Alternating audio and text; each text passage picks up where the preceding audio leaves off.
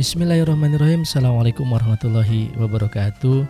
Salam sejahtera buat kita semua. Om Swastiastu, Namo Buddhaya, Salam Kebajikan, Rahayu Apa kabar semuanya para sahabat? Harapan saya kita semua dalam keadaan sehat walafiat dan selalu happy dalam hadapi hidup ini Ini adalah channel baru dalam dunia persilatan podcast yang memang akan menghususkan bicara tentang konstelasi politik internasional dan analisa geopolitik. Namun saya warning juga nih, channel ini tidak akan hanya bicara konstelasi dari fenomena dan peristiwa yang terjadi di percaturan politik internasional, tetapi lebih kepada kajian dari teori secara terstruktur. Kata lainnya, mata ajar kuliah di kelas yang dipindah ke channel ini. Dan channel ini akan lebih banyak bicara teori dasar dari ilmu dan konsep yang menunjang pemahaman akademis kita. Dan akan lebih menyenangkan jika ada feedback dari para permisa. Bisa berupa pertanyaan atau koreksi atau atas paparan yang saya sampaikan. Rencananya, rencananya hmm, akan saya isi sekonsistensi minggu mungkin minimal seminggu sekali persis seperti saya mengampu mata kuliah di kelas-kelas tapi jika ada feedback nih, bisa kita bahas di hari lainnya. Bisa menjadi episode tambahan dari feedback uh, yang dari Anda itu. Jadi bisa menjadi episode tambahan per feedback dari Anda. Maksudnya gitu. Kalau banyak feedback yang masuk, ya maka akan bertambah episode dalam seminggunya. Dan uh, sebagai awalan, saya akan memperkenalkan diri dulu. Nama saya Suryo Abe Aktivitas saya mengajar di beberapa perguruan tinggi dengan prodi dan fakultas yang berbeda.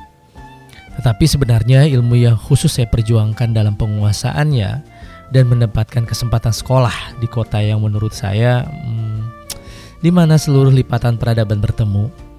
Kota yang kebanyakan orang di dunia sepakat menamakannya sebagai Ville d'Amour, kota cinta, kota romantis di mana kasih sayang tersebar hingga ruang sudut di kota Paris yang indah. Saya sekolah di kampus luar biasa selama tujuh tahun. Ya, hmm, sebelum bicara lebih lanjut tentang itu, saya mau ngucapin terima kasih banyak kepada orang-orang yang di sekitar saya yang yang meyakinkan saya untuk membuat kanal podcast ini. Dan terutama kepada Mas Erwin Paringkuan yang caranya itu sangat provokatif ngegojlok saya untuk segera membuat dan saya berjanji uh, satu minggu walaupun kemudian karena keterbatasan kemampuan teknologi jadi saya molor Mas Erwin minta maaf yang penting walah jadilah podcast ini.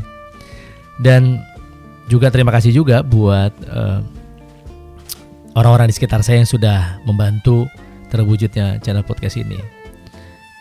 Kita kembali lagi ke laptop. Channel ini memang uh, khusus ditujukan bagi para pembelajar dan penstudi serta siapa pun yang ingin menjadi pemerhati isu-isu internasional. Lebih khusus mahasiswa yang mengambil program studi ilmu hubungan internasional tentunya. Dan biasanya saya selalu bertanya kepada para mahasiswa, apa motivasi yang membuat mereka mengambil program studi hubungan internasional? Biasanya jawabannya klise banget dan pada umumnya adalah ingin menjadi diplomat biar bisa keliling dunia dan melihat peradaban budaya yang berbeda. Tapi ini yang menarik ini. Tapi nih ada juga yang nggak paham dengan diri mereka sendiri. Kenapa mereka mau ngambil hubungan internasional? Walau walaupun nih mereka harus menempuh sekitar 149 sampai 164 SKS agar dapat menyamba, menyandang gelar sarjana serata satu. Ya tapi apa pun itu saya ucapkan selamat kepada para pemberani. Iya saya katakan para pemberani yang mengambil jurusan program studi ini. Karena apa? Nah, saya nggak akan membahas dulu di episode ini. Nama juga baru perkenalan. Pokoknya uhui dah para pemberani.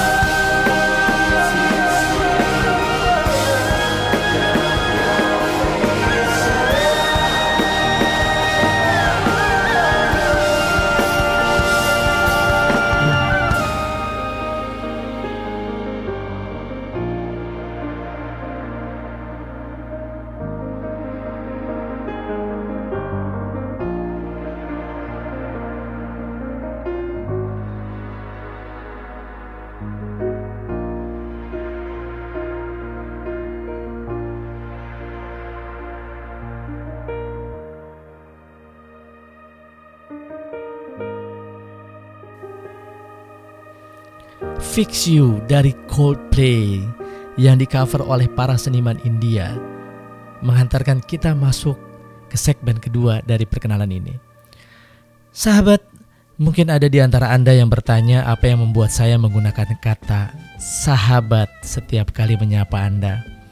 Ya buat saya secara personal kata sahabat ini mempunyai makna yang luar biasa. Tahukah Anda bahwa kata sahabat ini dipopulerkan oleh seorang tokoh yang sangat berpengaruh di dunia menurut penelitian Michael H. Hart dalam bukunya yang mengatakan bahwa beliau adalah nomor satu punya pengaruh bagi warga dunia. Wow, beliau adalah Nabi besar Muhammad SAW yang memanggil para temannya dengan kata sahabat. Dan kalau merujuk pendapat Al Ghazali, seorang pemikir Islam, yang menyatakan kalau Anda ingin tahu tentang makna persahabatan, maka bacalah buku nikah. Katanya persahabatan itu persis seperti orang yang menikah. Seru kan? Cuman ya beda tingkatan aja. Artinya betapa sakralnya persahabatan itu. Dan podcast ini juga dibuat karena saya ingin mendapatkan sahabat-sahabat yang banyak, sahabat yang saling berbagi hal-hal yang positif, sahabat yang berkualitas. Insya Allah, amin. Dan yang kedua, kenapa saya menggunakan kata kokon sebagai nama dari channel podcast ini? Ya tahu ya, ketika saya pertama kali memikirkan nama, kalau saya pakai nama sendiri, kayaknya nggak banget ya. Jengah banget rasanya, malu saya sebagai seorang dosen. Dan ya karena hmm, nama saya nggak jual kali ya. Tapi yang jelas buat saya, kenapa saya menggunakan nama selain nama saya, saya menggunakan nama Kokon. Karena saya berpikir niatnya niat awalnya apa ya saya buat podcast ini? Ya saya ingin berbagi berbagi dan berharap dapat menginspirasi serta bermanfaat bagi yang mendengarkan. Walaupun channel podcast ini akan lebih banyak membahas ilmu politik internasional dan geopolitik, namun, namun nih para sahabat, nggak menutup kemungkinan kita akan membahas topik-topik lain berdasarkan pengetahuan yang saya miliki dan mungkin akan bahas eh, kita akan membahas dan mem, dan mengundang tamu untuk berbagi kepada para sahabat yang mendengarkan. Akhirnya terlintas kata kokon yang menurut KBBI, Kamus Besar Bahasa Indonesia artinya adalah kepompong ulat sutra. Iya, ulat sutra. Saya berharap kita semua yang berbagi dan belajar bersama, ya berharap ada masukan dan respon dari para sahabat yang mendengarkan, kita bisa bermetamorfosis secara sempurna menjadi lebih baik dan tentunya bermanfaat bagi, lingkungan di mana kita berada. Layaknya kupu-kupu yang memberikan kecantikannya kepada dunia. Ya enggak? Dan menginspirasi para pembuat keindahan atau seniman. Karena ulat ketika masih berada dalam kepompong berjuang untuk mendapat menjadi kupu-kupu layaknya sedang bermeditasi, merenung dan bertransformasi menjadi sempurna untuk membantu kehidupan dengan menebarkan bubuk sari kepada bunga agar terjadi proses pembuahan kehidupan. Tak elah, puitis banget. Kenapa saya milihnya juga kokon? Karena ulat sutra ini mengingatkan, mengingatkan saya kepada seorang sahabat yang udah lama juga nih saya kehilangan kontaknya. Beliau namanya Mas Simon, seorang peternak ulat sutra yang tentunya kalau peternak ulat sutra yang dihasilkan adalah kepompongnya atau kokonnya yang kemudian beliau pintal lalu beliau anyam menjadi kain. Kain yang luar biasa, kain yang sangat indah, bahkan pewarnaannya aja menggunakan warna-warna organik. Kami berjumpa ketika ada pameran handicraft ya kalau nggak salah atau produk-produk dalam negeri Indonesia di Poitiers itu salah satu kota kira-kira berapa puluh kilometer ya dari atau berapa ratus kilometer ya dari Paris. Kalau nggak salah sekitar 200-an kilometer kalau nggak salah ya. 200 kilometer ke arah selatan dari kota Paris.